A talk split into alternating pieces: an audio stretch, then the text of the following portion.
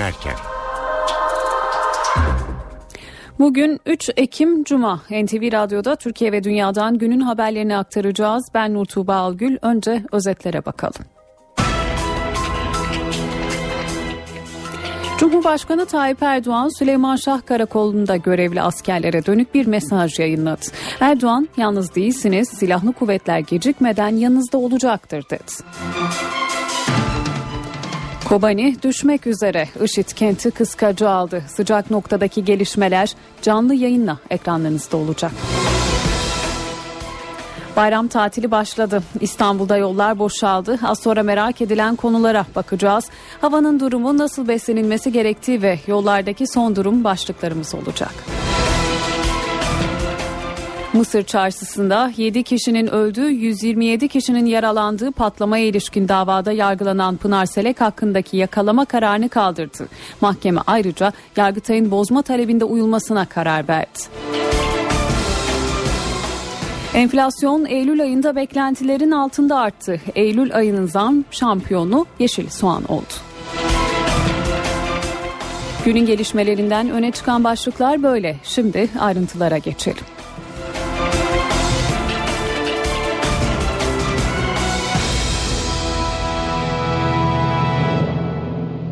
Bülteni Cumhurbaşkanı Tayyip Erdoğan'ın bayram mesajıyla açıyoruz. Erdoğan gün içerisinde iki mesaj yayınladı. Onlardan biri Süleyman Şah Türbesi'nde görevli TSK personeline dönüktü. Cumhurbaşkanı'nın bayram mesajlarına yönelik notları NTV'den Funda Görey'de. Funda Süleyman Şah Saygı Karakolu personeline hitaben bir bayram mesajı yayınladı. Cumhurbaşkanı Tayyip Erdoğan. Süleyman Şah Saygı Karakolu önemli.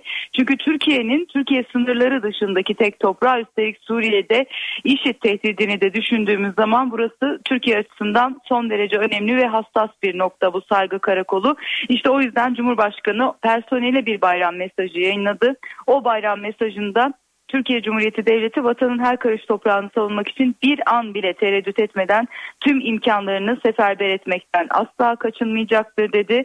Süleyman Şah Saygı Karakolu'nda yalnız olmadığınızı, milletin bizzat kendisinin ve hayır dualarının her an sizlerle birlikte olduğunu bir kez daha teyit etmek isterim dedi Cumhurbaşkanı. Ve şu noktanın altını çizdi. Yine bilmenizi isterim ki dedi Erdoğan. Gerektiğinde Türk Silahlı Kuvvetlerimiz tereddüt etmeden ve bir an bile gecikmeden yanı başınızda olacaktır. Benzer bir mesaj dün de Genelkurmay Başkanı Orgeneral Necdet Özel'den gitmişti. Süleyman Şah Saygı Karakolu'nda görev yapan personeli. Cumhurbaşkanı Tayyip Erdoğan'ın ilk mesajı da aslında Kurban Bayramı mesajında da Suriye vurgusu vardı. Cumhurbaşkanı biz bölgemizde barış ve huzur güvenlik isteyen bir ülkeyiz. Hiçbir ülkenin iç işlerinde topraklarında gözümüz yok dedi. Ancak dedi Cumhurbaşkanı Türkiye bölge krizlerle çalkalanırken masum çocuklar öldürülürken sessiz kalacak bir ülke değildir. Güçlü olmanın gereği sınır içi kadar sınır dışında da güvenlik ve barış için mücadele verebilmektir dedi. Cumhurbaşkanının iki mesajının detayları böyleydi. Funda Göre'ye teşekkür edelim ve devam edelim. IŞİD'in Suriye'nin Kobani kentine yönelik saldırıları yoğunlaştı. Kent 3 noktadan bombalanıyor. Kürt güçler gerilla savaşı için geri çekiliyor. Son gelişmeleri sınır hattından NTV muhabiri Burak Özcan anlatacak. Burak IŞİD'in Kobani'ye yönelik saldırıları 19. gününe girdi. 19 gündür IŞİD militanları Kobani'yi ele geçirmek için saldırıyorlar ki Kobani stratejik açıdan da son derece önemli bir kent. Üç tarafı IŞİD militanları tarafından çevrilmiş durumda. Kentin doğusu, kentin güneyi ve kentin batısı. Kentin kuzeyi ise hemen bizim bulunduğumuz nokta. Çünkü Kobani ile Türkiye'nin sınır kapısı var. Mürşit Pınar sınır kapısı. Bizim bulunduğumuz nokta Kobani'den yaklaşık bir kilometre uzaklıkta. Patlama sesleri gün içerisinde hiç eksik olmadı. 19 gündür devam ettiğini söyledik. Saldırıların bu 19 gün içerisinde belki de en şiddetli saldırılar Kobani'ye yönelik bugün içerisinde gerçekleştiğini söylemek mümkün. Çünkü dün stratejik bir noktayı ele geçirmişti IŞİD militanları. Kentin batısındaki Zorava tepelerini, Zorava tepeleri ki orada da yine YPG güçleriyle IŞİD militanları arasında şiddetli çatışmalar meydana gelmişti. O çatışmaların neticesinde IŞİD kentin batısındaki o tepeleri de ele geçirdikten sonra kenti deyim yerinde ise üç taraftan kıskaca almış durumda. Sabahın erken saatlerinden bu yana da tanklarla, toplarla, havanlarla ve uzun namlulu silahlarla kente yönelik saldırılarını sürdürüyor. Kentin içerisinde YPG güçleri var. Onların direnişi devam ediyor. 19 günden bu yana Kobani'yi savunmak için, Kobani'nin düşmesini engellemek için kent içerisinde savunmaya devam ediyorlar. Biraz daha içerilere çekilmiş durumdalar ki bir gerilla savaşına hazırlandıkları yönünde de bilgiler var. Ancak e, şu an itibariyle IŞİD'in Kobani'ye 500 metre kadar yaklaştığını, dış mahallelerinde olduğunu ve o noktalardan kente yönelik saldırılarına devam ettiğini söylemek mümkün. Ayrıca gün içerisinde başka neler yaşandı onu da sıradaki haberimizde dinleyelim. Üç tarafı kuşatma altındaki Kobani'den dumanlar yükseliyor. Kent ağır bombardıman altında. IŞİD'in Kobani'ye yönelik saldırıları şiddetini artırarak devam ediyor. Kentin hakim tepelerini ele geçirmek isteyen IŞİD kritik noktaları havan mermisi ve füzeyle vurdu. Özellikle yoğun bombardıman altında kalan sanayi bölgesinde şiddetli patlamalar yaşandı. Ağır silah ve tanklarla şehrin içine girmeye çalışan IŞİD'e YPG güçleri de karşılık veriyor. Kentin kenar mahallelerine kadar yaklaşan 3000 IŞİD militanı Kobani'nin doğu girişinde YPG güçlerine ait iki barikatı ele geçirdi. Ayrıca Kobani'de iletişimin sağlandığı baz istasyonu kulesinin de IŞİD'in kontrolüne geçtiği belirtiliyor. Amerika Birleşik Devletleri öncülüğündeki uluslararası koalisyona ait jetlerse Tel Abyad ve Cerablus'taki IŞİD hedeflerini bombaladı. Türkiye tarafından da duyulan bombalama sesleri Tel Abyad'ın karşısındaki Akçakale ile Cerablus sınırındaki Karkamış'ta tedirginlik yarattı. Hükümet meclisten geçen tezkereyle sınır ötesi harekat yapma, Türk askerini yabancı ülkelere gönderme yetkisini aldı. Peki şimdi ne olacak? Türkiye öncelikle güvenli bölge ve uçuş yasağı konularında uluslararası koalisyonun tavrını bekleyecek. Kabul 298, red 98. Tezkere meclisten geçti. Türkiye'nin bundan sonra atacağı adımlar tezkere geçtikten hemen sonra toplanan güvenlik zirvesinde masaya yatırıldı. Cumhurbaşkanı Tayyip Erdoğan başkanlığındaki toplantı 2 saat 20 dakika sürdü. Başbakan Ahmet Davutoğlu toplantıda koşulların masaya yatırıldığını, askeri müdahale kararı alınmadığını açıkladı. Tezkerenin bize sağladığı imkan herhangi bir durum söz konusu olduğunda elimizden geleni yapmamızdır. Ankara için iki kritik nokta var. Güvenli bölge ve buna bağlı olarak uçuşa yasak bölge ilan edilmesi. Bunun için de önce Amerika'nın başında olduğu uluslararası koalisyonun tavrının netleşmesi gerekiyor. Türkiye'nin istediği, belirlediği öncelikleri uygun olması halinde her türlü koalisyon içinde yer alırız. Mülteciler için güvenli bölgeler oluşturulması gerekir. Bu fiilen Türkiye'nin kara gücü tek başına yapacağı bir kara harekatı gibi zinhar düşünülmemelidir. Ama o güvenli hattın Birleşmiş Milletler tarafından teminat altına alınması lazım. Başbakan Ahmet Davutoğlu Türkiye'nin savaş istemediğini ama 15 gündür her türlü senaryo üzerinde çalıştıklarını da açıkladı. Türk Silahlı Kuvvetleri Suriye içinde kurulacak olası güvenlik bölgeleri için hazırlıklarını yaptı. Amaç göç hareketini sınırın dışında tutabilmek. Bu bölgelerin IŞİD tehdidinden uzak alanlara kurulması hedefleniyor. Ama önce uluslararası destek beklenecek. Halkların Demokratik Partisi meclisteki oylamada tezkereyi eleştirmiş ve karşı yönde oy kullanmıştı. HDP'den bugün yeni bir açıklama geldi. İstanbul Milletvekili Sebahat Tuncel, hükümetin tezkere çıkarmak yerine Kobani'ye destek olması gerektiğini söyledi. Tuncel, Türkiye'de çözüm sürecinin geleceği Kobani'ye bağlıdır dedi. Orta Doğu barışının yolu Kobani'den geçer. Bunu çok net olarak söylüyoruz. Orta Doğu'da Kürtlere dayatılan savaşın son bulması kalıcı barış için olmazsa olmaz bir koşuldur.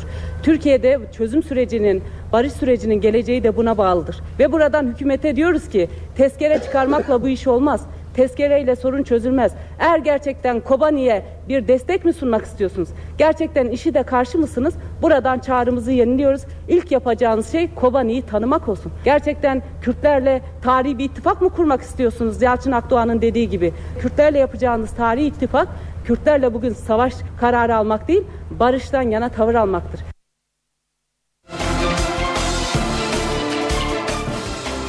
Washington meclisten geçen Suriye-Irak tezkeresinden memnun. Amerika Birleşik Devletleri adına açıklamayı Savunma Bakanı Chuck Hagel yaptı. Olumlu bir gelişme diyen Hagel, tampon bölge önerisi için şu an için programımızda yok yorumunu yaptı.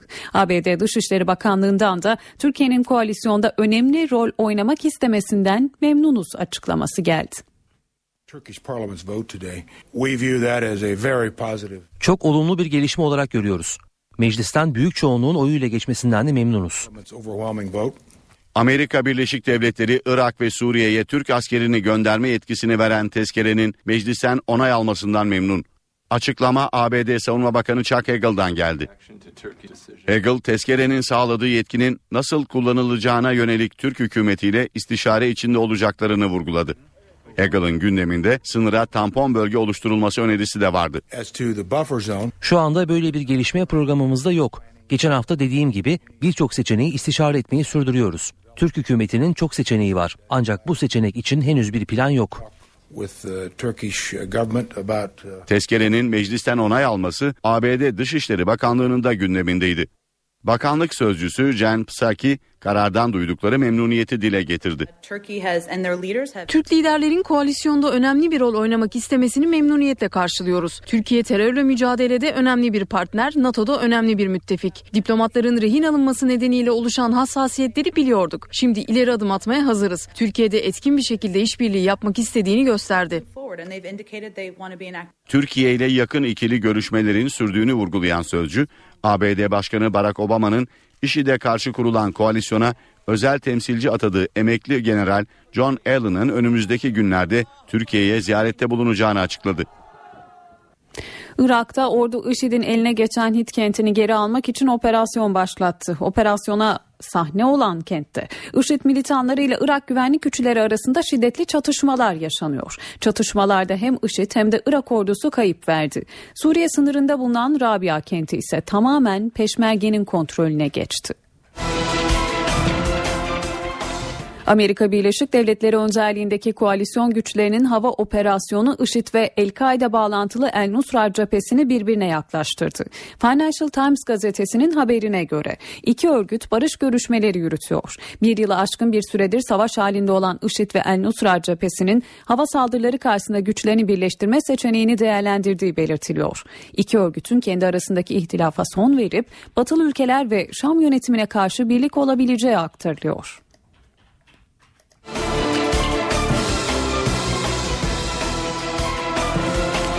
Suriye sınırındaki gerilim ve tezkere hazırlıklarıyla yoğun bir dönem geçiren siyasiler de çalışmalarına bayram arası verecek. Cumhurbaşkanı Tayyip Erdoğan ve Başbakan Ahmet Davutoğlu bayramı İstanbul'da geçirecek. CHP lideri Kemal Kılıçdaroğlu ile MHP Genel Başkanı Devlet Bahçeli bayramı Ankara'da karşılayacak. HDP eş başkanı Selahattin Demirtaş ise bayramın birinci ve ikinci gününde Şanlıurfa'nın Suruç ilçesinde olacak.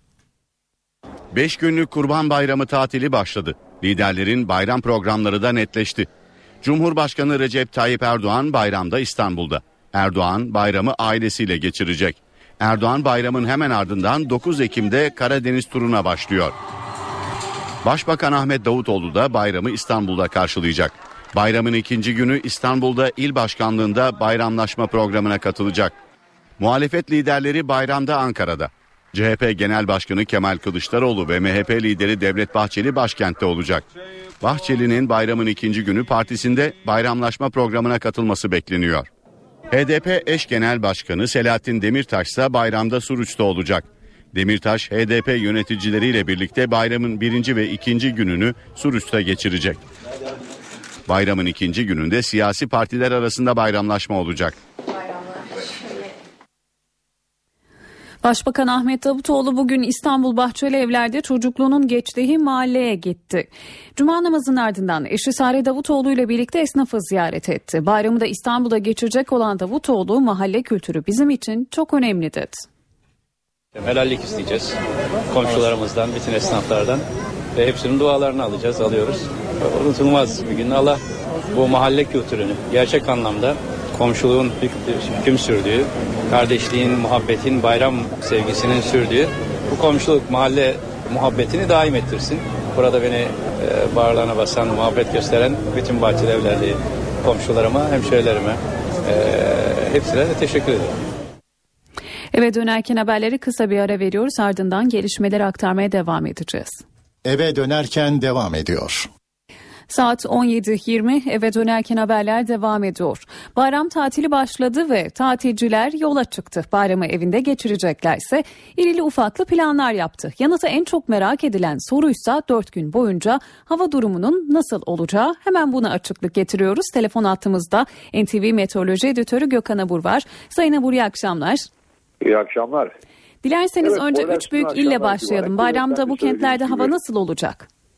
Evet e, ben de onu hemen vurgulamak istiyorum. Poyraz kuvvetlendi ve Poyraz'ın kuvvetlenmesi dün akşamdan itibaren Marmara ve kuzey kesimlerde sıcaklıklar azalmaya başladı. E, biraz daha azalacak özellikle yarın azalmasıyla birlikte tabii yer yer kısa süreli yağışlar var. Dün İstanbul'da yağış geçişleri görmüştük. Bu akşam yine çok hafif ve yarın sabahta çisenti şeklinde yağışlar Marmara bölgesinde hafif olarak devam edecek. Ege'de, Akdeniz'de, iç kesimlerde, Doğu ve Güneydoğu'da ise yağış beklemiyoruz. Evet sıcaklıklar pazar günü birkaç derece kuzeyde yükselecek ama e, tekrar yağışla birlikte azalmasını bekliyoruz. Bayramın birinci günü Marmara genellikle parçalı bulutlu. Yani yarın parçalı bulutlu bir hava var. Dediğim gibi sabah saatlerinde çok hafif çisenti İstanbul'un kuzey kesimlerinde görülebilir. Bir ara Marmara'nın doğusunda Kocaeli Sakarya arasında hafif yağış geçişi, geçişi görülebilecek yarın için. Doğuda ise yağışlar devam ediyor. Yarın yine Rize, Artvin ve Erzurum, Kars, Ardahan, Ağrı ve biraz daha doğuya indiğimiz zaman güneye doğru Manakkar arasında yine yerel yağışlar olacak. Bayramın ikinci günü Batı ve Doğu Karadeniz'de yerel yağışlar devam ederken yurdun diğer kesimlerinde hava genellikle açık ve az bulutlu. Rüzgarda sert esmeye özellikle Batı Karadeniz, Marmara ve Kuzey Ege'de Poyraz, Güney Ege'de Karayel gün içinde sert esmeye devam edecek. Tabi rüzgarın sert esmesi hissedilen sıcaklıkları biraz da olsa düşürecek. Bayramın üçüncü günü e, ise Marmara, Batı Karadeniz ve Kuzey Ege'de rüzgar kuvvetlenirken Marmara'nın doğusu, Karadeniz ve İç Anadolu'da özellikle Eskişehir, Çankırı arasında yağışın başlamasını bekliyoruz. Bayramın dördüncü günü Doğu Karadeniz'de yağışlar aralıklarla devam ederken Marmara, Kuzey Ege, İç Anadolu'nun batısında rüzgarın giderek kuvvetlenmesiyle yağışlar da kuvvetlenecek. Bayramın dördüncü günü kuzeyde, Kuzey Ege'de, Marmara'da, Karadeniz'de yağış var. Özellikle bayramın dördüncü günü dönüşe geçenler, kuzeye doğru çıktıkça Akdeniz'den İç Anadolu bölgesinden gelenler Marmara bölgesine girmeden önce yağışla karşılaşacaklar. Büyük bir olasılıkla biraz tedbirli olmaları lazım. Çünkü ilk başlayan yağış yol üzerinde otoyollarda özellikle kayganlığı arttıracağı için buzdan çok daha tehlikeli olduğunu unutmasınlar. Dönüşe geçenler için bunu söylüyorum. Evet bayramın e, dördüncü günü yağışlar devam edecek demiştim. E, Ege'de, Akdeniz'de özellikle Güney Ege'de, Akdeniz'de ve doğuda yağış beklemiyoruz. Bayram süresince sıcaklıklarda da önemli bir değişiklik olmayacak. Örneğin Akdeniz'de Antalya ve çevresinde beklediğimiz sıcaklıklar bayram süresince 27 ile 29 derece hatta zaman zaman 30 dereceler civarında olacak. Denizde oldukça sıcak bölgede. Güney Ege'de de önemli bir yağış yok. Zaman zaman bulutlanma da Güney Ege'de özellikle Kuşadası, Bodrum, Marmaris arasında da yağış beklemiyoruz. Orada da sıcaklıklar yine mevsim ortalamaları üzerinde olacak. Ama tatili biraz daha uzatmak isteyenler için küçük de olsa bir uyarım var. Çarşamba günü çok hızlı bir soğuma var kuzeyden başlayarak. Çarşambadan sonra tatilini uzatacak olanlar dikkatli ve tedbirli olsunlar. Hem iç kesimlerde ve kuzeyde yağışlar kuvvetlenecek hem de sıcaklıklar hızlı bir şekilde azalacak. Evet bizleri bekleyen koşullar genellikle böyle. Çok teşekkür ediyoruz efendim. NTV Meteoroloji Editörü Gökhan Abur bayramda havanın nasıl olacağını bizlerle paylaştı. Devam edelim. Kurban Bayramı'nda et ve şekerli besin tüketimi artmakta. Peki bayram boyunca nasıl beslenmeli? Kırmızı et hangi miktarda ve nasıl tüketilmeli? Bu soruları beslenme uzmanı Selahattin Dönmez'e yönelttik. Bu 4 gün boyunca lütfen bir ana öğünde en fazla kadınlar 150 gram, erkekler ise 200 gram. Aslında bu bizim bildiğimiz restoranlarda da sunulan porsiyon ölçütü diyebiliriz. İkinci önemli uyarım ise pişirme yöntemi. Çünkü sağlıkla ilişkisine baktığımızda en önemli konu pişirmenin hatalı olmuş olması. Aslında kırmızı et yüksek bir protein kaynağı olduğu için yüksek ısıda pişirildiğinde kanserojenik maddelerin açığa çıkmasını sağlıyor. Nasıl pişirmeli? Sadece düdüklü tencerenin içinde haşlama et olarak en sağlıklısı. Ya da eğer kömürde pişireceksek ya da ızgara yapacaksak en az etle ızgara yapılacak ve kömür yap- olacak yerin 20 santim mesafe olması lazım. Çünkü pişirme yaptığınız zaman eğer et yanar ve siyah hale gelirse kanser etmenleri vücutta daha çok artıyor diyebiliriz. Benim önerim lütfen öğünlerden sonra tatlı tüketmesinler. Eğer tüketmek istiyorlarsa lütfen ziyaretlerimizde bu şekerlemeler, çikolatalardan uzak duralım. Ne yiyelim peki? Ee, belki en sağlıklı olanı sütlü bir tatlı olacaktır. Veya hamur tatlısından daha az yiyip biraz üzerine dondurma koymak. Çünkü e, örneğin baklava yediniz iki tane üzerine bir top dondurma koyduğunuzda 3 ya da 4 tane baklava yemekten etkisinin zararlı etkisini azaltmış oluyorsunuz. Glisemik indeksi düşürmüş oluyorsunuz.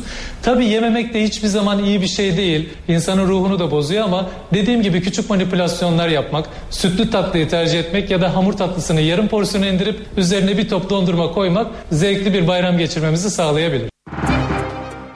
Para ve sermaye piyasalarındaki işlemlere bakalım şimdi. Borsa İstanbul bayram tatiline 74.384 puandan girdi. Serbest piyasada dolar 2 lira 29 kuruş, euro 2.87'den işlem gördü. Kapalı çarşıda ise Cumhuriyet altını 594, çeyrek altın 145 liradan satıldı.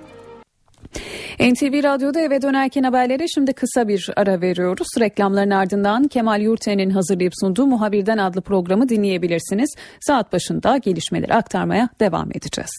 Eve dönerken devam ediyor.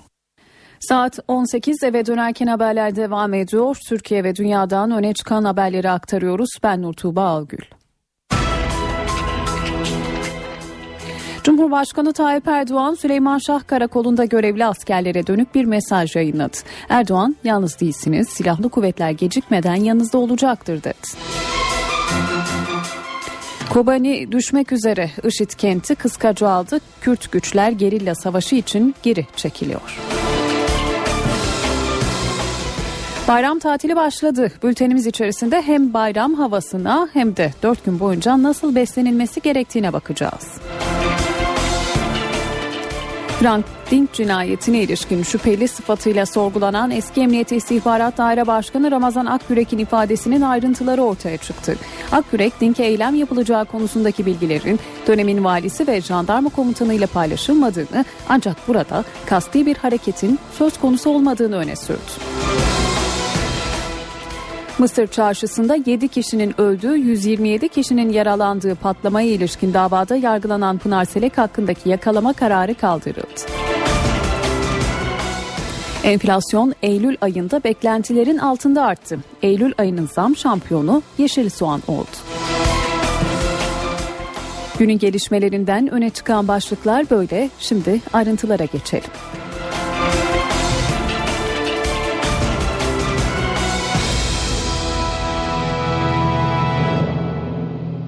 Cumhurbaşkanı Tayyip Erdoğan Süleyman Şah Saygı Karakolu personeline özel bir bayram mesajı yayınladı.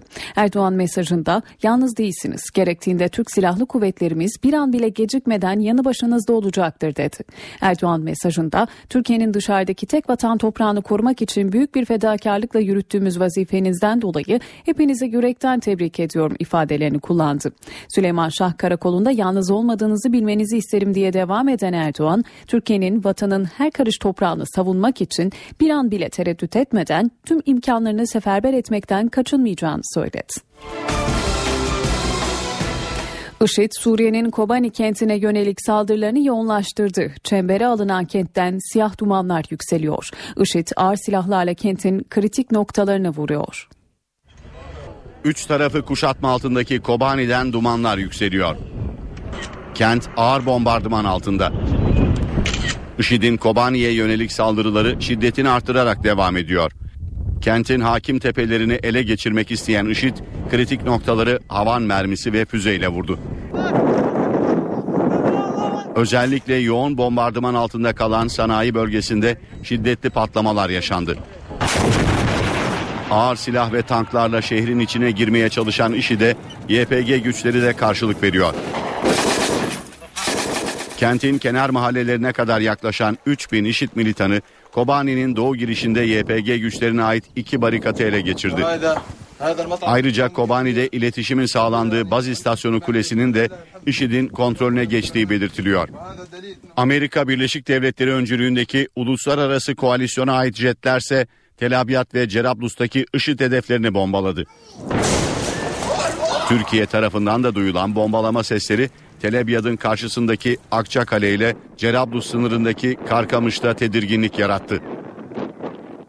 Hükümet meclisten geçen tezkereyle sınır ötesi harekat yapma, Türk askerini yabancı ülkelere gönderme yetkisini aldı. Peki şimdi ne olacak? Türkiye öncelikle güvenli bölge ve uçuş yasağı konularında uluslararası koalisyonun tavrını bekleyecek.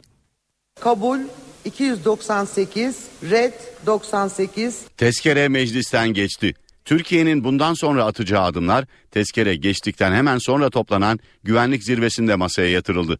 Cumhurbaşkanı Tayyip Erdoğan başkanlığındaki toplantı 2 saat 20 dakika sürdü.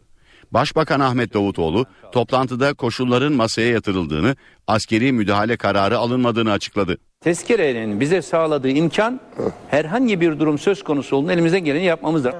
Ankara için iki kritik nokta var. Güvenli bölge ve buna bağlı olarak uçuşa yasak bölge ilan edilmesi. Bunun için de önce Amerika'nın başında olduğu uluslararası koalisyonun tavrının netleşmesi gerekiyor. Türkiye'nin istediği, belirlediği öncelikleri uygun olması halinde her türlü koalisyon içinde yer alırız. Mülteciler için güvenli bölgeler oluşturulması gerekir. Bu fiilen Türkiye'nin kara gücü tek başına yapacağı bir kara harekatı gibi zinhar düşünülmemelidir. Ama o güvenli hattın Birleşmiş Milletler tarafından teminat altına alınması lazım.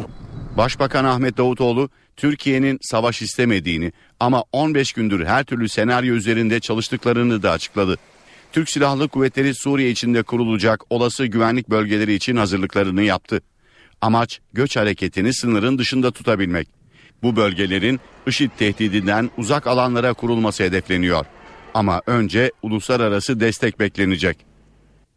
Washington meclisten geçen Suriye-Irak tezkeresinden memnun. Amerika Birleşik Devletleri adına açıklamayı Savunma Bakanı Chuck Hagel yaptı. Olumlu bir gelişme diyen Hagel, tampon bölge önerisi için şu an için programımızda yok yorumunu yaptı. ABD Dışişleri Bakanlığı'ndan da Türkiye'nin koalisyonda önemli rol oynamak istemesinden memnunuz açıklaması geldi.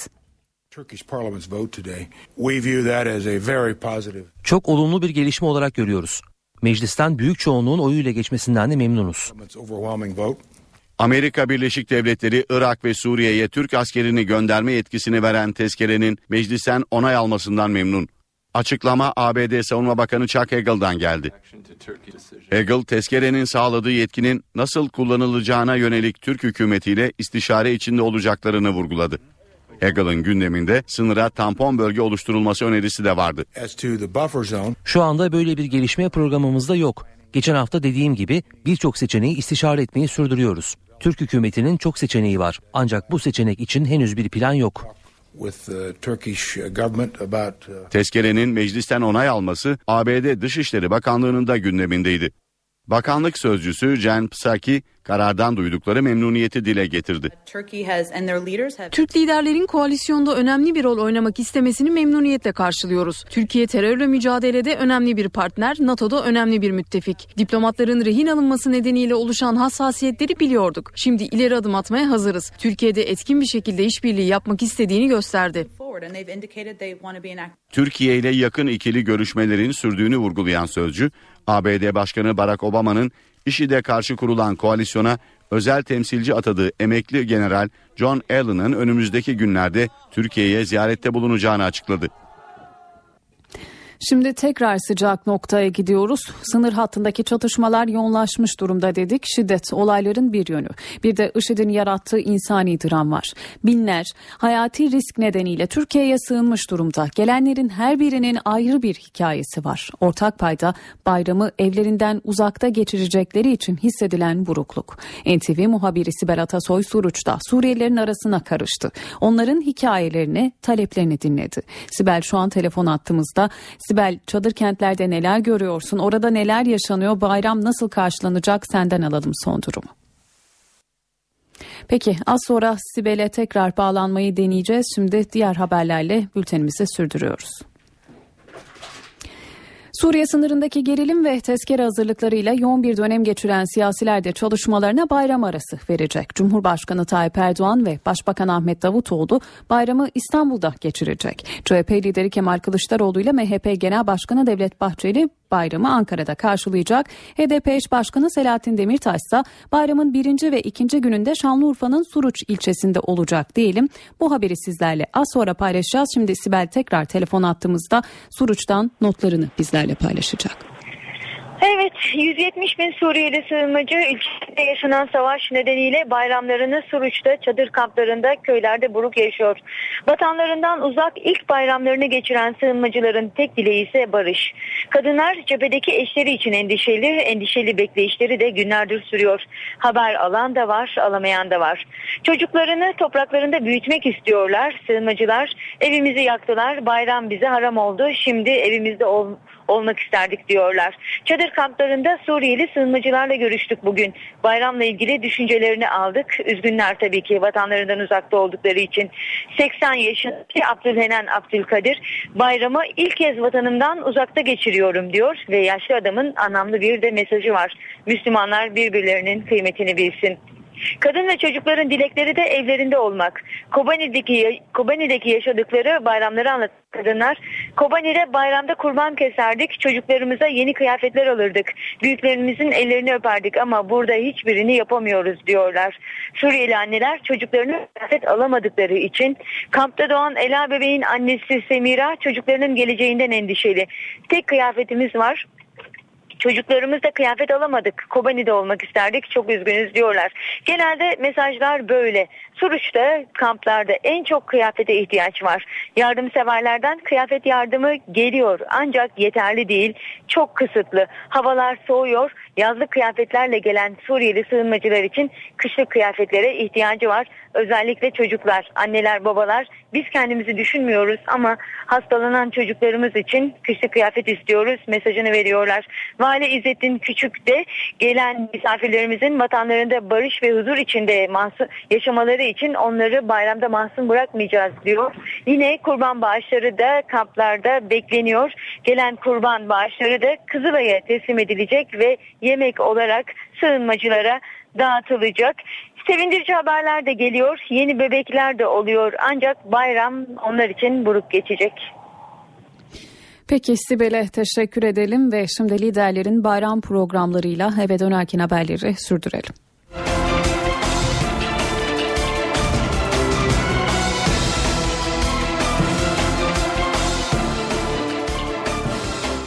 Beş günlük Kurban Bayramı tatili başladı. Liderlerin bayram programları da netleşti. Cumhurbaşkanı Recep Tayyip Erdoğan bayramda İstanbul'da. Erdoğan bayramı ailesiyle geçirecek. Erdoğan bayramın hemen ardından 9 Ekim'de Karadeniz turuna başlıyor. Başbakan Ahmet Davutoğlu da bayramı İstanbul'da karşılayacak. Bayramın ikinci günü İstanbul'da il başkanlığında bayramlaşma programına katılacak. Muhalefet liderleri bayramda Ankara'da. CHP Genel Başkanı Kemal Kılıçdaroğlu ve MHP lideri Devlet Bahçeli başkentte olacak. Bahçeli'nin bayramın ikinci günü partisinde bayramlaşma programına katılması bekleniyor. HDP eş genel başkanı Selahattin Demirtaş ise bayramda Suruç'ta olacak. Demirtaş HDP yöneticileriyle birlikte bayramın birinci ve ikinci gününü Suruç'ta geçirecek. Bayramın ikinci gününde siyasi partiler arasında bayramlaşma olacak. Bayramda havanın durumu nasıl olacak? Hava sıcaklıkları hangi kentlerde düşecek? Hangi kentlerde yükselecek? NTV muhabiri Miray Aktağ Uluç, meteoroloji uzmanı Sabri Gedeli'ye bayram havasını sordu. Bayram tatili başladı. Meteorolojiden tatilcilere iyi haber geldi. Bayram boyunca hava sıcaklıkları Akdeniz ve Ege'de mevsim normallerinde serilecek. Akdeniz bölgesinin kıyı kesiminde sıcaklıklar 30 dereceye kadar yaklaşacak diyebiliriz. E, genellikle az bulutlu ve açık bir hava gözlemleyeceğiz. Ege bölgesinin kıyılarında ise genellikle parçalı ve az bulutlu bir hava beklenirken sıcaklıklar 24 ile 27 derece arasında seyredecek. Peki tatile çıkmayan 3 büyük kent sakinlerini bayramda nasıl bir hava bekliyor? Ankara'da önümüzdeki 3 gün boyunca herhangi bir yağış beklentimiz olmayacak. Sıcaklıklar yaklaşık olarak 20 ile 22 derece arasında oynayacak. İstanbul'da ise yarın için öğle saatleri itibariyle Boğaz çevresinde özellikle Karadeniz'e bakan yamaçlarında yağış beklemekteyiz. İzmir'de önümüzdeki 3 gün boyunca herhangi bir yağış beklentimiz olmayacak. Sıcaklıklar 24 ile 26 derece arasında seyredecek. Karadeniz için cumartesi gününden itibaren yağış uyarısı yapan Meteoroloji Genel Müdürlüğü İstanbul'u ise Kurban Bayramı'nın son iki günü için uyardı. Karadeniz bölgesinde bu yağışları gözlemleyeceğiz ama bunlar sel tehlikesine e, yol açmayacak diyebilirim. Bayramın üçüncü günü kuzey bölgelerimizde yine bulutlanma devam etmekte. Karadeniz kıyı kesiminde aynı zamanda İstanbul, Kocaeli, Sakarya civarlarında ve Ardahan civarları ile Batı Karadeniz'in iç kesimlerinde Karabük ve Kastamonu civarlarında yağış beklerken pazartesi günü ise e, Marmara bölgesinden yeni bir yağışlı hava kütlesi girecek.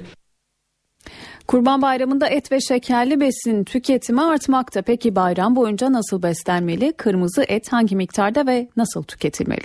Bu soruları beslenme uzmanı Selahattin Dönmez'e yönelttik.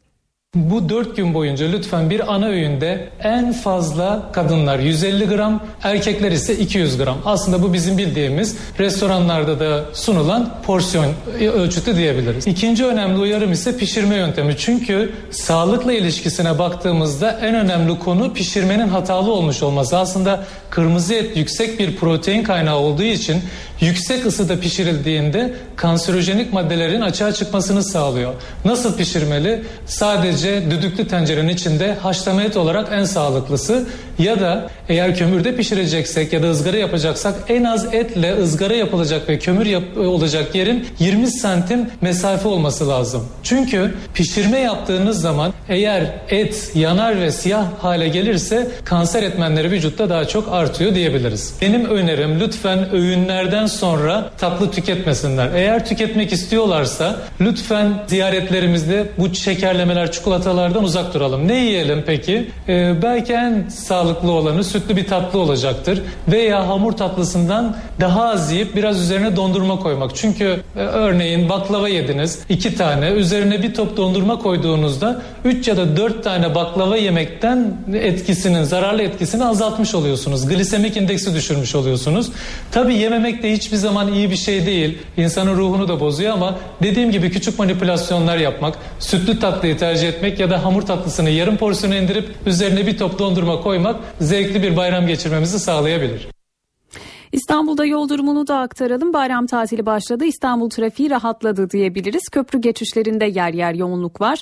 Boğaziçi Köprüsü'nde Avrupa'dan Anadolu'ya geçişlerde köprü girişinden çıkışında Altunizade'ye kadar bir trafik var. Tam tersi istikamette ise trafik akıcı. Fatih Sultan Mehmet Köprüsü'nde ise yine köprü girişinden Kavacığa kadar bir trafik var. Tam tersi istikamette yine trafiğin akıcı olduğunu söyleyebiliriz. Bir not da aktaralım.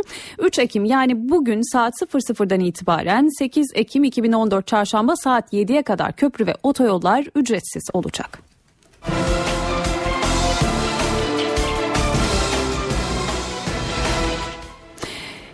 Yollar açıldı dedik İstanbul için trafik yoğunluğu azaldı dedik ama tatilciler nedeniyle trafiğin yoğunlaştığı yollardan kaza haberleri gelmeye başladı.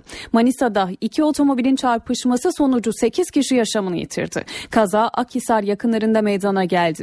61 yaşındaki Kenan Dilsiz'in kullandığı otomobil orta refüje çarptıktan sonra karşı yöne geçti. Burada başka bir otomobille çarpıştı 8 kişi yaşamını yitirdi. 11 yaşındaki bir çocuk yaralandı. Elazığ'da ise bir kamyonet şarampole yuvarlandı 7 kişi yaralandı. Para ve sermaye piyasalarındaki işlemlere bakalım şimdi. Borsa İstanbul bayram tatiline 74.384 puandan girdi. Serbest piyasada dolar 2 lira 29 kuruş, euro 2.87'den işlem gördü. Kapalı çarşıda ise Cumhuriyet altını 594, çeyrek altın 145 liradan satıldı. Eve dönerken haberlere kısa bir ara veriyoruz. Ardından gelişmeleri aktarmaya devam edeceğiz. Eve dönerken devam ediyor. Saat 18.22 eve dönerken haberler devam ediyor. Gazeteci Hrant Dink cinayetine ilişkin dün şüpheli sıfatıyla sorgulanan eski Emniyet İstihbarat Daire Başkanı Ramazan Akyürek'in ifadesinin ayrıntıları ortaya çıktı. Akyürek, Dink'e eylem yapılacağı konusundaki bilgilerin dönemin valisi ve jandarma komutanıyla paylaşılmadığını ancak burada kasti bir hareketin söz konusu olmadığını öne sürdü. Ramazan Akyürek ifadesinde Dink'e karşı eylem yapılacağı yönündeki rapordan haberdar olduğunu, bu raporun dönemin Trabzon İstihbarat Şube tarafından da kendisine sunulduğunu söyledi. Akgürek öldürüleceği bilgisi neden aktarılmadı sorusuna ben esasen bu detayları hatırlamıyorum yanıtını verdi. Ramazan Akgürek Erhan Tuncel'i birebir tanımadığını iddia ederek Tuncel'in istihbarat müdürü Engin Dinç'in önerisi ve dönemin daire başkanı Sabri Uzun'un onayıyla yardımcı eleman yapıldığını da belirtti. İstanbul 15. Ağır Ceza Mahkemesi Mısır çarşısında 7 kişinin öldüğü 127 kişinin yaralandığı patlamaya ilişkin davada yargılanan Pınar Selek hakkındaki yakalama kararını kaldırdı. Mahkeme ayrıca Yargıtay'ın bozma talebinde uyulmasına karar verdi. Pınar Selek hakkında verilen 3 beraat kararı da Yargıtay tarafından bozuldu. En son 24 Ocak 2013'te 12. Ağır Ceza Mahkemesi Pınar Selek'i ağırlaştırılmış müebbet hapis cezasına mahkum etti. Yargıtay 9. Ceza Dairesi'nde 11 Haziran'da yapılan temiz duruşmasında bu karar bozuldu. Ağır cezaların kaldırılmasıyla dosya 15. Ağır Ceza'ya gönderilmişti. Ulaştırma Bakanı Lütfi Elvan, Anayasa Mahkemesi'nin Telekomünikasyon İletişim Başkanlığı'na verilen yetkileri iptal etmesine tepkili. Bakan Elvan, ulusal güvenliği ilgilendiren gizli bilgiler ortaya çıktığında ne yapılacak diye sordu. Anayasa Mahkemesi'nin gerekçeli kararından sonra yeni bir adım atacaklarını söyledi. Ulaştırma, Denizcilik ve Haberleşme Bakanı Lütfi Elvan, Anayasa Mahkemesi'nin Telekomünikasyon İletişim Başkanlığı'na internetle ilgili yetkiler veren düzenlemeyi iptal etmesine tepki gösterdi. Terörle ilgili bir soruşturma var. Çok acil alınması gereken bir karar var. Ha bundan dolayı bu ülkede herhangi bir sıkıntı yaşanırsa bunun müsebbibi de Telekomünikasyon İletişim Başkanlığı değildir. Bakan Elvan kararın gerekçesiz olarak çıkmasını da eleştirdi. Bunun gerekçesini çok merak ediyorum açıkçası. Ee, hangi gerekçelerle ve hangi sahiplerle bu maddenin iptal edildiğini. Devletin çok gizli bilgilerinin birileri tarafından bir şekilde ele geçirilip kamuoyuyla paylaşılması halinde Telekomünikasyon İletişim Başkanlığı ne yapacaktır? Hiçbir şey yapamayacaktır. Eli kolu bağlıdır. Düzenlemenin anayasa ve yasalara uygun hazırlandığını söyleyen Elvan dünyadan örnekler verdi. Yasa sansür veya özel yaşama müdahale anlamı taşımıyor dedi. Elvan yüksek mahkemenin gerekçeli kararını açıklamasının ardından yeni bir internet düzenlemesinin gündeme geleceğini söyledi. TİB'in MIT'e bağlanacağı açıklamalarını değerlendirdi. TİB'le ilgili e, hükümet olarak bir karar vereceğiz. Ha biz ne yapacağız yeni süreçte? Tek bir yerde kayıt tutulmasını sağlayacağız. NTV Radyo Enflasyon Eylül ayında beklentilerin altında arttı. Tüketici fiyatları endeksi %0.14 oranında yükseldi. Üretici fiyatları endeksi artışı ise %0.85 oranında.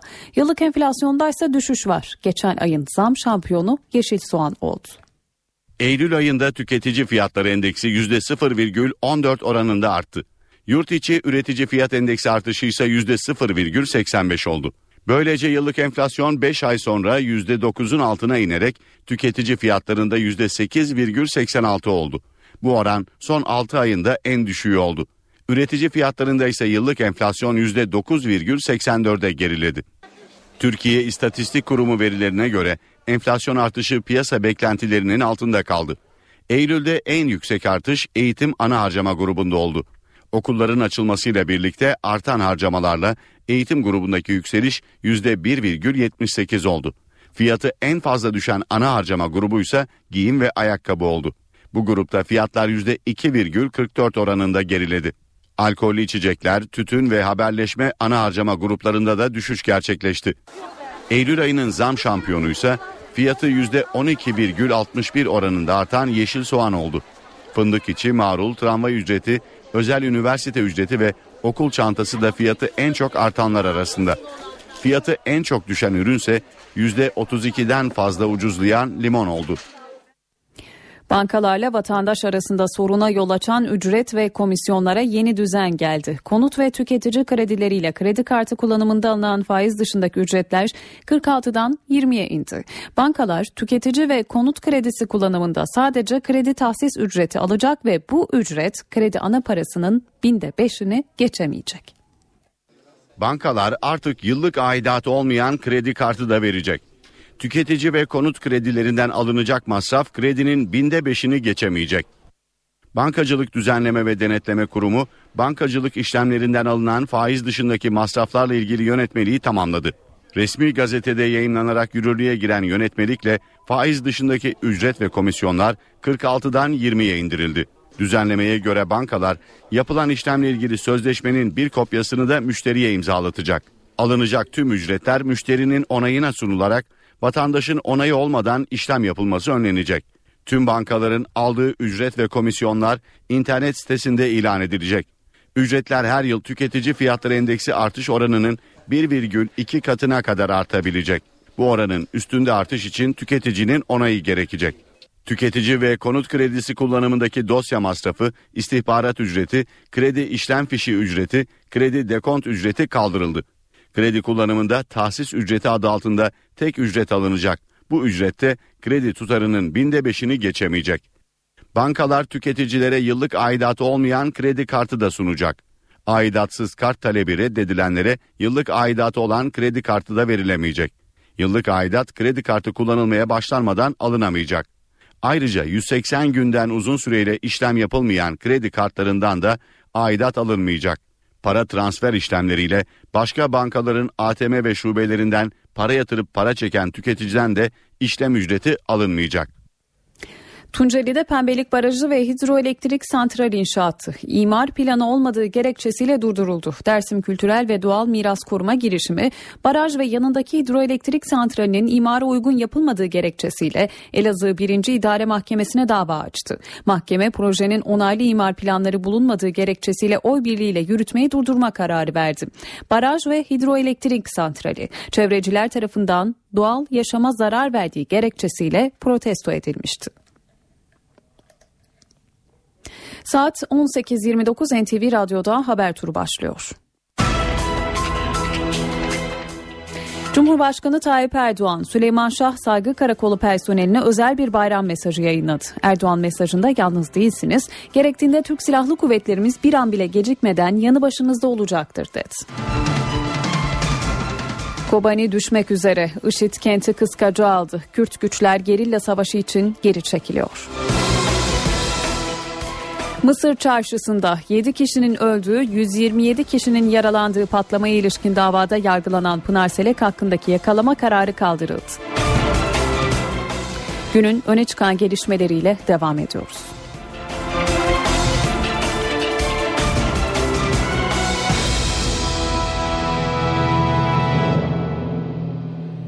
Avrupa Birliği'nin Türkiye ilerleme raporunda Ankara'ya hem övgü hem eleştiri yöneltildi. Son bir yılda yaşanan gelişmelerin değerlendirildiği raporda Cumhurbaşkanı'nın halk tarafından seçilmesi ve çözüm sürecinin ilerlemesi olumlu gelişmeler olarak görüldü. Basın özgürlüğü ve azınlık hakları alanındaysa eleştiriler yöneltildi. Avrupa Birliği Komisyonu Türkiye ilerleme raporunu 8 Ekim çarşamba günü açıklayacak. Bu iki raporda Türkiye'deki olumlu ve olumsuz gelişmelere yer veriliyor. Cumhurbaşkanının ilk defa halk tarafından seçilmiş olması raporda yer alan olumlu gelişmeler arasında sayılıyor. Avrupa Birliği ekonomilerinin aksine Türkiye'de büyümenin devam ettiğine işaret eden komisyon, bununla birlikte cari açığa dikkat çekiyor ve yapısal reformlara ime kazandırılmasının önemine vurgu yapıyor. Çözüm politikasının yeniden canlandırılmasından duyulan memnuniyeti dile getiren Avrupa Komisyonu, bu konuda atılacak somut adımların Avrupa Birliği müktesebatıyla uyum konusunda büyük önem taşıdığını kaydediyor. Yeni hükümetin Avrupa Birliği sürecine yeniden ivme kazandırma çabasına atıfta bulunan komisyon, Türkiye'nin Kopenhag kriterleriyle ilgili eksiklikleri bulunduğunu da söylüyor. HSYK'nın özerk yapısının altını çizen ilerleme raporu, Twitter ve YouTube'un kapatılmasına yönelik alınan kararların mahkemelerce bozulduğunu hatırlatıyor. Kısıtlama kararlarının Türkiye'de ve dünyada olumsuz yankı uyandırdığı dile getiriliyor yeni internet yasasının dikkat çekici olduğunu ifade eden Avrupa Komisyonu, bu yasanın uygulama sürecinin Avrupa Komisyonu tarafından çok yakından takip edileceğini belirtiyor. İlerleme raporu 17 Aralık sürecine de değiniyor ve 4 bakanın görevlerinden istifa ettiklerini hatırlatıyor. Raporda yer alan olumsuz unsurlar arasında basın özgürlüğü ve azınlık hakları da bulunuyor basına yönelik baskıların ve ifade özgürlüğü ile ilgili sorunların aşılmadığı ve bu yılda devam ettiği ifade ediliyor. Ruhban Okulu'nun halen açılmadığını belirten ilerleme raporu, Fener Rum Patriği Bartolomeo'nun ekümenik statüsünün hala sorun teşkil ettiği ifadesine yer veriyor. Türk tırları İran'da mahsur kaldı. Avrupa'dan aldıkları yükü Türkmenistan'a ulaştırmaya çalışan yüzlerce tır İran tarafında uzun kuyruklar oluşturdu. Türk şoförler geçişlerde İran tırlarına öncelik tanınmasından şikayetçi. Ee, Polonya'dan aldığım yükü e, Türkmenistan Aşkabat'a götürüyorum. İran'a girdim. 4 günde İran'ın Bezirgan'dan Lutabat'a geldim. 10 gündür burada yatıyorum. Geçemiyorum. İran arabaları sollayıp geçiyorlar bizi. Sırasız geçiyorlar bizi. Adalet Mağduruz, istiyoruz. adalet istiyoruz.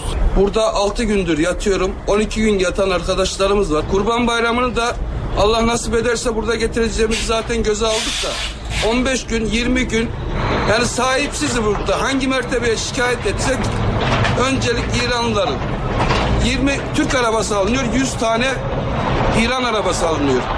Dediğim yükün değeri 100 bin dolar. Ben burada 11. gün oldu yatıyorum. Daha önümde benim bin araba var. Yüküm benim mısır, yeşil mısır darısı. Bu en fazla termokinin içerisinde 10 11 gün. 11 gün sonra bozulur bu. İzin alamıyorum.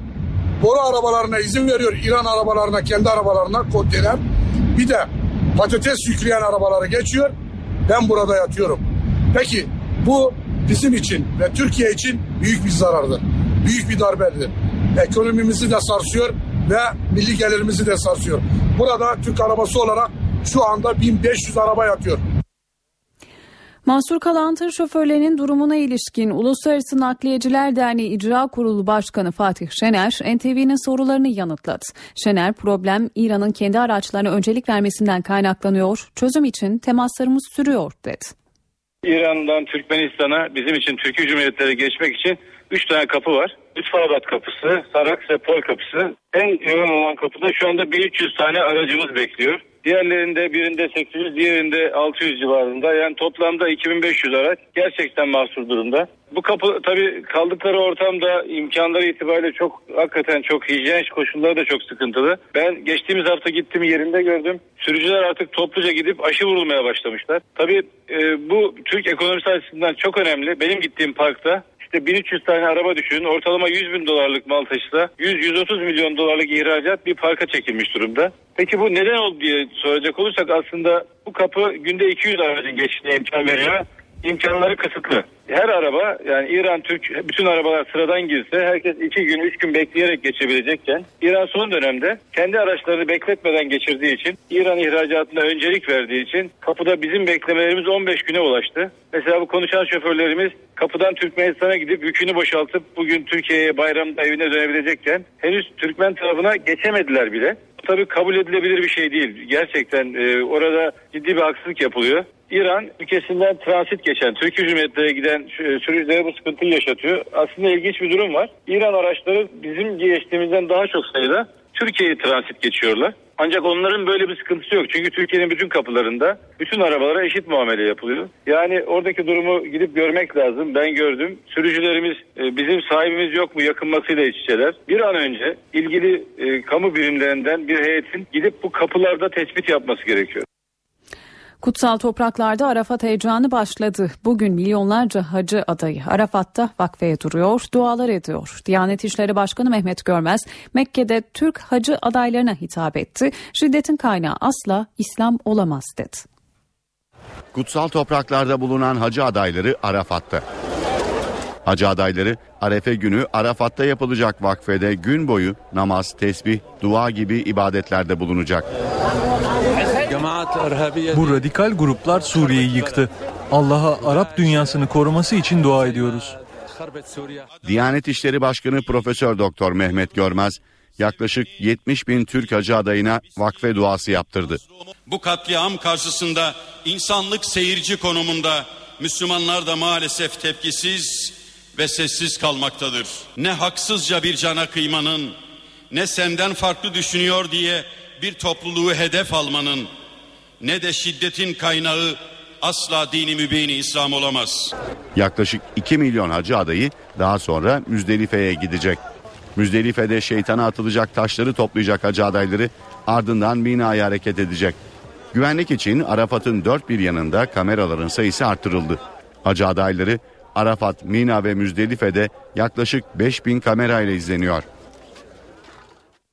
İsveç'te kurulan yeni hükümette Türk asıllı iki siyasetçi yer aldı. Yeni kabineyi açıklayan Başbakan Stefan Löfven, Türk kökenli Mehmet Kaplan'ı Şehircilik ve İskan Bakanlığı görevine getirdi. 43 yaşındaki Kaplan, 2010 yılında Gazze yardım filosuna katılmış, İsrail'de tutuklanarak serbest bırakılmıştı.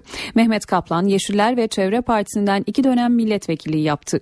Kabinede yapılan Yer alan diğer isim ise Enerji Bakanlığı'nı üstlenen Süryani asıllı İbrahim Baylan oldu. İsveç'teki yeni hükümetteki 24 bakandan 12'si kadın, 12'sini erkekler oluşturuyor. Başbakan Löfven kabinesini feminist hükümet olarak niteliyor. Eve dönerken haberleri şimdi kısa bir ara veriyoruz ardından gelişmeleri aktarmaya devam edeceğiz. Eve dönerken devam ediyor.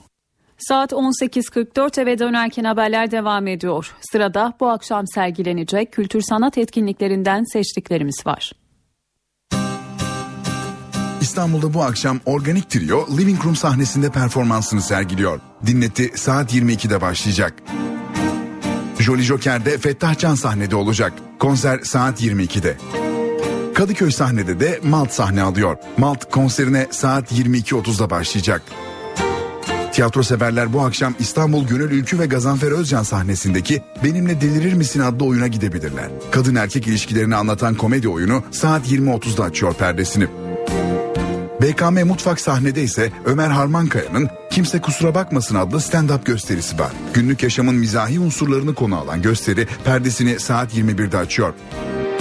İstanbul'daki sergilere de bakalım. Buzlu Art Project Nişantaşı sezonun ilk sergisini 1968 kuşağının efsane isimlerinden Utku Varlık'la açtı. Sanatçı sergisinde atölyesinde yıllardır sakladığı bitmemiş detaylardan yola çıkıyor. Fragmanlar ismi verilen sergi 6 Kasım'a kadar ziyarete açık. Zeynep Aksoy'un kişisel resim sergisi His, Galeri Bohem'de açıldı. Sergi 15 Ekim'e kadar ziyaret edilebilir. İzmirli dinleyicilerimiz bu akşam Ceylan Ertem konserine gidebilirler. Konser Ozivenu adlı mekanda saat 23'te başlayacak. Ankara'da bu akşam Jolly Joker sahnesinde Yeni Türkü grubu sahnede. Yeni Türkü saat 22'de başlayacak performansını sergilemeye. Akşam evde olacaksanız Star TV'de saat 20.30'da yeni bölümüyle Medcezir, CNBC'de ise saat 21'de Erof adlı dizi izlenebilir. Sırada sinema bülteni var. Bu hafta vizyona 5 yeni film giriyor.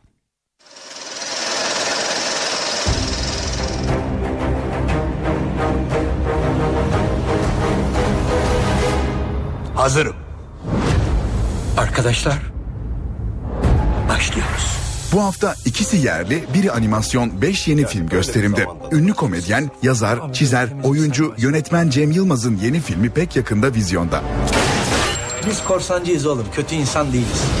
Yılmaz filminde hem yönetmen koltuğunda oturuyor hem de Zafer karakteriyle başrolde karşımıza çıkıyor. Film Zafer'in geçmişini temize çekip ailesini geri kazanmak için 1970'lerden beri çekilememiş Şahikalar Kötülüğün Sonu adlı fantastik filmi çekme çabasını anlatıyor. Yine zengin bir oyuncu kadrosuna sahip filmde Cem Yılmaz'ın yanı sıra Tülin Özen, Zafer Algöz, Özkan Uğur, Ozan Güven, Çağlar Çorumlu, Cengiz Bozkurt, Zerrin Tekindor, Hare Sürel ve Ayşen Guru da rol alıyor. Nurgül Yeşilçay ve Masar Alanson da konuk oyuncular. My father was a great man. A hero, so they say.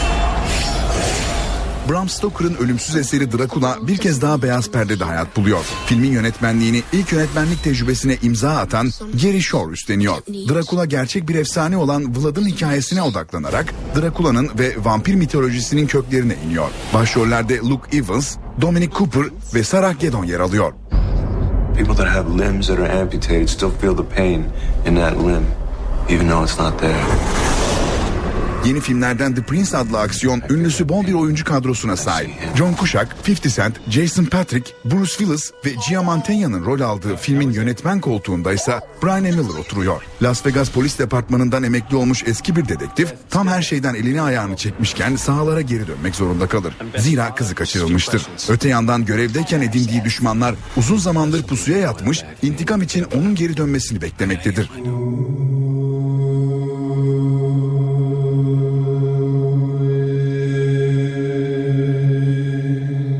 Haftanın diğer yerli yapımı Asasız Musa adını taşıyor. Yönetmen Aydın Orak, Cumhuriyet'ten bu yana yaşanan aydın cinayetlerine dikkat çekmek ve Sebahattin Ali'den Hrant Dink'e varan bu cinayetlerin gündeme gelmesini sağlamak için kamera arkasına geçmiş. Kürt Aydın Musa Anter'in yaşamındaki dönüm noktalarını metaforik bir dille konu alan filmde karakter devamlılığı oyuncularla değil, karakteri simgeleyen fötür şapka, pardüsü ve tahta bavulla sağlanıyor. Filme sesleriyle Şemsi İnkaya ve Necmettin Çobanoğlu katkı veriyor.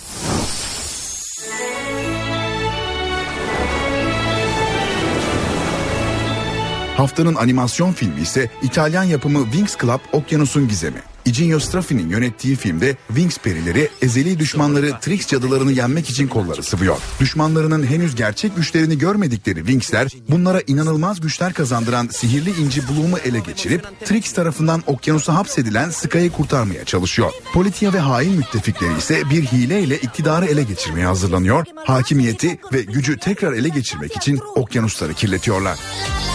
Dal 4 settembre al cinema. Eve dönerken haberleri kısa bir ara veriyoruz. NTV Radyo'nun yayını reklamların ardından işten güçten haberler ve Gökhan Abur'dan hava durumuyla devam edecek. Saat başında gelişmeleri aktarmaya devam edeceğiz. Eve dönerken devam ediyor. Saat 19 ben Nur Tuğba Algül öne çıkan haberlerin özetlerini aktarıyoruz. Kobani'de IŞİD militanları ile Kürt gruplar arasında şiddetli çatışmalar yaşanıyor. IŞİD'in Kobani'nin güneyindeki bir tepeyi ele geçirdiği ifade ediliyor. Cumhurbaşkanı Tayyip Erdoğan Süleyman Şah Saygı Karakolu personeline özel bir bayram mesajı yayınladı. Erdoğan mesajında yalnız değilsiniz, gerektiğinde Türk Silahlı Kuvvetlerimiz bir an bile gecikmeden yanı başınızda olacaktır dedi. Dört günlük bayram tatilinde hava sıcaklıkları İç Anadolu, Akdeniz ve Ege'de mevsim normallerinde seyredecek. Marmara'da ise yağış görülecek. Gazeteci Hrant Dink cinayetine ilişkin dün şüpheli sıfatıyla sorgulanan eski Emniyet İstihbarat Daire Başkanı Ramazan Akgürek'in ifadesinin ayrıntıları ortaya çıktı. Akgürek, Dink'e eylem yapılacağı konusundaki bilgilerin dönemin valisi ve jandarma komutanıyla paylaşılmadığını ancak burada kasti bir hareketin söz konusu olmadığını öne sürdü. Mısır çarşısında 7 kişinin öldüğü, 127 kişinin yaralandığı patlamaya ilişkin davada yargılanan Pınar Selek hakkındaki yakalama kararı kaldırıldı. Enflasyon Eylül ayında beklentilerin altında arttı. Eylül ayının zam şampiyonu yeşil soğan oldu. Bayram tatili başladı. İstanbul trafiği rahatladı diyebiliriz. Köprü geçişlerinde şu an itibariyle bir yoğunluk görünmüyor. Sadece Boğaziçi Köprüsü'nde Anadolu'dan Avrupa'ya geçişlerde köprü girişinde bir sıkışıklık var diyebiliriz. Fatih Sultan Mehmet Köprüsü'nde de kısa süreli bir yoğunluk yaşanıyor. Kavacık'tan başlayan trafik Mola Gürani Viyadüğü'ne kadar sürüyor. Ve eve dönerken haberlerin sonuna geldik. Ben Nurtuğba Algül, editör Sevan Kazancı. Teknik Masa'da İsmet Tokdemir. İyi akşamlar diliyoruz. NTV Radyo'nun yayını kısa bir aradan sonra Sevin Okyay'ın hazırlayıp sunduğu Köşe Bucak programıyla devam edecek. İyi akşamlar.